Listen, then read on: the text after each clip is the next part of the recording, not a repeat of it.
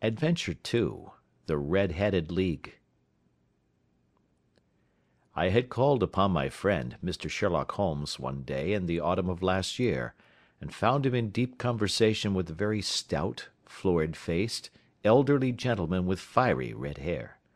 With an apology for my intrusion I was about to withdraw, when Holmes pulled me abruptly into the room and closed the door behind me. "You could not possibly have come at a better time, my dear Watson," he said cordially. "I was afraid that you were engaged." "So I am, very much so." "Then I can wait in the next room." "Not at all. This gentleman, Mr. Wilson, has been my partner and helper in many of my most successful cases, and I have no doubt that he will be of the utmost use to me and yours also." The stout gentleman half rose from his chair and gave a bob of greeting, with a quick little questioning glance from his small, fat encircled eyes. "Try the settee," said Holmes, relapsing into his armchair and putting his finger tips together, as was his custom when in judicial moods. "I know, my dear Watson, that you share my love of all that is bizarre and outside the conventions and humdrum routine of everyday life. You have shown your relish for it by the enthusiasm which has prompted you to chronicle, and, if you will excuse my saying so, somewhat to embellish so many of my own little adventures." "Your cases have indeed been of the greatest interest to me," I observed. "You will remember that I remarked the other day, just before we went into the very simple problem presented by Miss Mary Sutherland, that for strange effects and extraordinary combinations we must go to life itself, which is always far more daring than any effort of the imagination."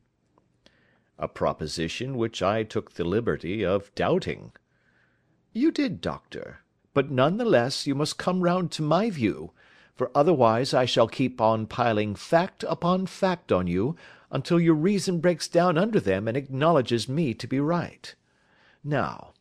Mr. Jabez Wilson here has been good enough to call upon me this morning, and to begin a narrative which promises to be one of the most singular which I have listened to for some time. You have heard me remark that the strangest and most unique things are very often connected not with the larger but with the smaller crimes, and occasionally, indeed, where there is room for doubt whether any positive crime has been committed. As far as I have heard, it is impossible for me to say whether the present case is an instance of crime or not, but the course of events is certainly among the most singular that I have ever listened to. Perhaps, Mr. Wilson, you would have the great kindness to recommence your narrative. I ask you not merely because my friend Dr. Watson has not heard the opening part, but also because the peculiar nature of the story makes me anxious to have every possible detail from your lips. As a rule, when I have heard some slight indication of the course of events, I am able to guide myself by thousands of other similar cases which occur to my memory. In the present instance, I am forced to admit that the facts are, to the best of my belief, unique. The portly client puffed out his chest with an appearance of some little pride, and pulled a dirty and wrinkled newspaper from the inside pocket of his greatcoat. As he glanced down the advertisement column, with his head thrust forward and the paper flattened out upon his knee, I took a good look at the man and endeavoured, after the fashion of my companion, to read the indications which might be presented by his dress or appearance. I did not gain very much, however, by my inspection. Our visitor bore every mark of being an average commonplace British tradesman, obese, pompous, and slow. He wore rather baggy grey shepherd's check trousers, a not over clean black frock coat, unbuttoned in the front, and a drab waistcoat with a heavy brassy Albert chain, and a square pierced bit of metal dangling down as an ornament. A frayed top hat and a faded brown overcoat with a wrinkled velvet collar lay upon a chair beside him. Altogether, look as I would, there was nothing remarkable about the man save his blazing red head, and the expression of extreme chagrin and discontent upon his features. Sherlock Holmes's quick eye took in my occupation, and he shook his head with a smile as he noticed my questioning glances. Beyond the obvious facts that he has at some time done manual labour, that he takes snuff, that he is a Freemason, that he has been in China, and that he has done a considerable amount of writing lately, I can deduce nothing else." Mr. Jabez Wilson started up in his chair, with his forefinger upon the paper, but his eyes upon my companion. "How, in the name of good fortune, did you know all that, Mr. Holmes?" He asked. "How did you know, for example, that I did manual labour? It's as true as gospel, for I began as a ship's carpenter." "Your hands, my dear sir. Your right hand is quite a size larger than your left. You have worked with it, and the muscles are more developed." "Well, the snuff, then, and the freemasonry?" "I won't insult your intelligence by telling you how I read that especially as, rather against the strict rules of your order, you use an arc and compass breastpin." "Ah! Of course, I forgot that. But the writing?" "What else can be indicated by that right cuff so very shiny for five inches, and the left one with the smooth patch near the elbow where you rested upon the desk?" "Well, but China?" The fish that you have tattooed immediately above your right wrist could only have been done in China. I have made a small study of tattoo marks, and have even contributed to the literature of the subject. That trick of staining the fish's scales of a delicate pink is quite peculiar to China. When, in addition, I see a Chinese coin hanging from your watch chain, the matter becomes even more simple." Mr. Jabez Wilson laughed heavily. "Well, I never!" said he. "I thought at first that you had done something clever, but I see that there was nothing in it after all." "I begin to think, Watson," said Holmes, "that I make a mistake in explaining. Omne ignoratum pro magnifico, you know, and my poor little reputation, such as it is, will suffer shipwreck if I am so candid. Can you not find the advertisement, Mr. Wilson?" "Yes, I have got it now," he answered with his thick red finger planted halfway down the column. "Here it is. This is what began it all. You just read it for yourself, sir." I took the paper from him and read as follows: "To the Red headed League. On account of the bequest of the late Ezekiah Hopkins, of Lebanon, Pennsylvania, U.S.A., there is now another vacancy open which entitles a member of the League to a salary of £4 a week for purely nominal services. All red headed men who are sound in body and mind, and above the age of twenty one years, are eligible. Apply in person on Monday at eleven o'clock to Duncan Ross, at the offices of the League, 7 Pope's Court, Fleet Street." "What on earth does this mean?" I ejaculated after I had twice read over the extraordinary announcement. Holmes chuckled and wriggled in his chair, as was his habit when in high spirits. "It is a little off the beaten track, isn't it?" said he. "And now, Mr. Wilson. Off you go at scratch, and tell us all about yourself, your household, and the effect which this advertisement had upon your fortunes. You will first make a note, Doctor, of the paper and the date." "It is the Morning Chronicle of April 27, 1890. Just two months ago." "Very good. Now, Mr. Wilson?" "Well, it is just as I have been telling you, Mr. Sherlock Holmes said Jabez Wilson, mopping his forehead. "I have a small pawnbroker's business at Coburg Square, near the City.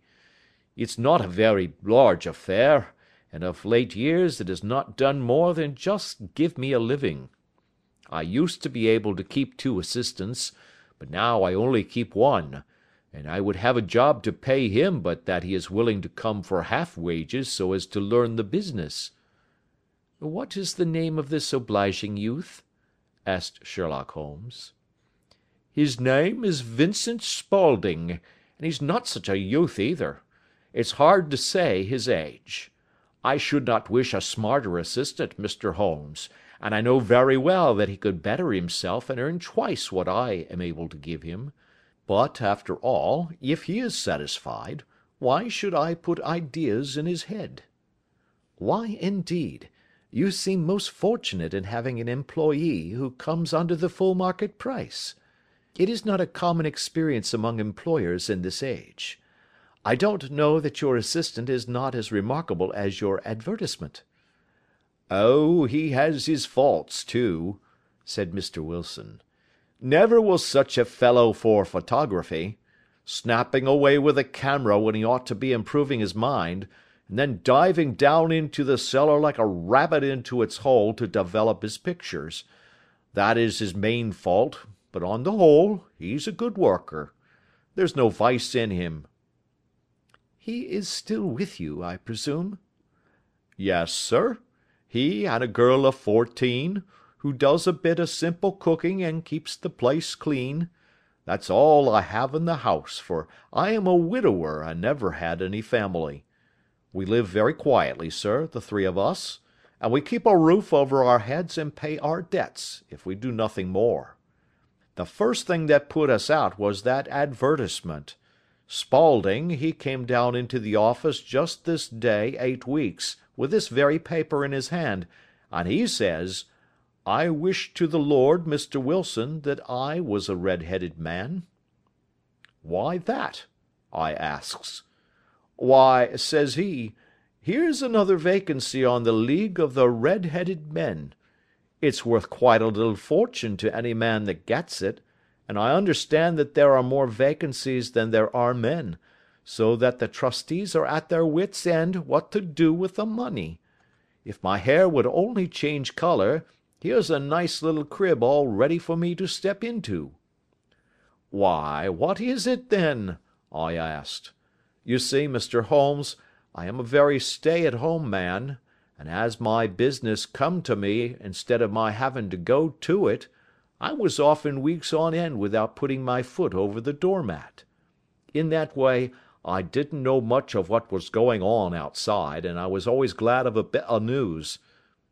Have you never heard of the League of the Red headed Men? he asked with his eyes open. Never. Why, I wonder at that, for you are eligible yourself for one of the vacancies." "And what are they worth?" I asked. "Oh, merely a couple of hundred a year, but the work is slight, and it need not interfere very much with one's other occupations." Well, you can easily think that that made me prick up my ears, for the business has not been over good for some years and an extra couple of hundred would have been very handy. "Tell me all about it," said I. "Well," said he, showing me the advertisement, "you can see for yourself that the League has a vacancy, and there is the address where you should apply for particulars. As far as I can make out, the League was founded by an American millionaire, Ezekiah Hopkins, who was very peculiar in his ways.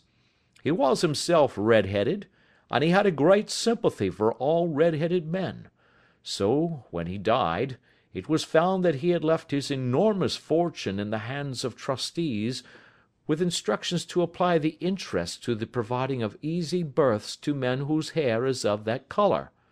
From all I hear, it is splendid pay, and very little to do." "But," said I, "there would be millions of red headed men who would apply. "Not so many as you might think," he answered. "You see, it is really confined to Londoners, and to grown men. This American had started from London when he was young, and he wanted to do the old town a good turn. Then, again, I have heard it is no use your applying if your hair is light red, or dark red, or anything but real bright, blazing, fiery red.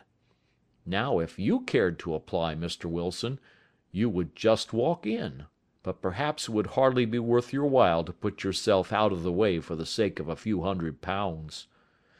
Now, it is a fact, gentlemen, as you may see for yourselves, that my hair is of a very full and rich tint, so that it seemed to me that if there was to be any competition in the matter, I stood as good a chance as any man that I had ever met. Vincent Spaulding seemed to know so much about it that I thought he might prove useful, so I just ordered him to put up the shutters for the day, and to come right away with me. He was very willing to have a holiday, so we shut the business up and started off for the address that was given us in the advertisement. I never hope to see such a sight as that again, Mr. Holmes. From north, south, east, and west, every man who had a shade of red in his hair had tramped into the city to answer the advertisement. Fleet Street was choked with red-headed folk, and Pope's Court looked like a coster's orange barrow. I should not have thought there were so many in the whole country as were brought together by that single advertisement. Every shade of colour they were straw, lemon, orange, brick, Irish setter, liver, clay.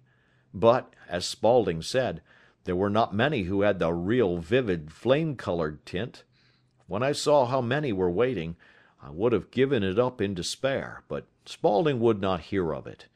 How he did it, I could not imagine, but he pushed and pulled and butted until he got me through the crowd, and right up to the steps which led to the office. There was a double stream upon the stair, some going up in hope, and some coming back dejected, but we wedged in as well as we could, and soon found ourselves in the office. "Your experience has been a most entertaining one," remarked Holmes as his client paused and refreshed his memory with a huge pinch of snuff. "Pray continue your very interesting statement."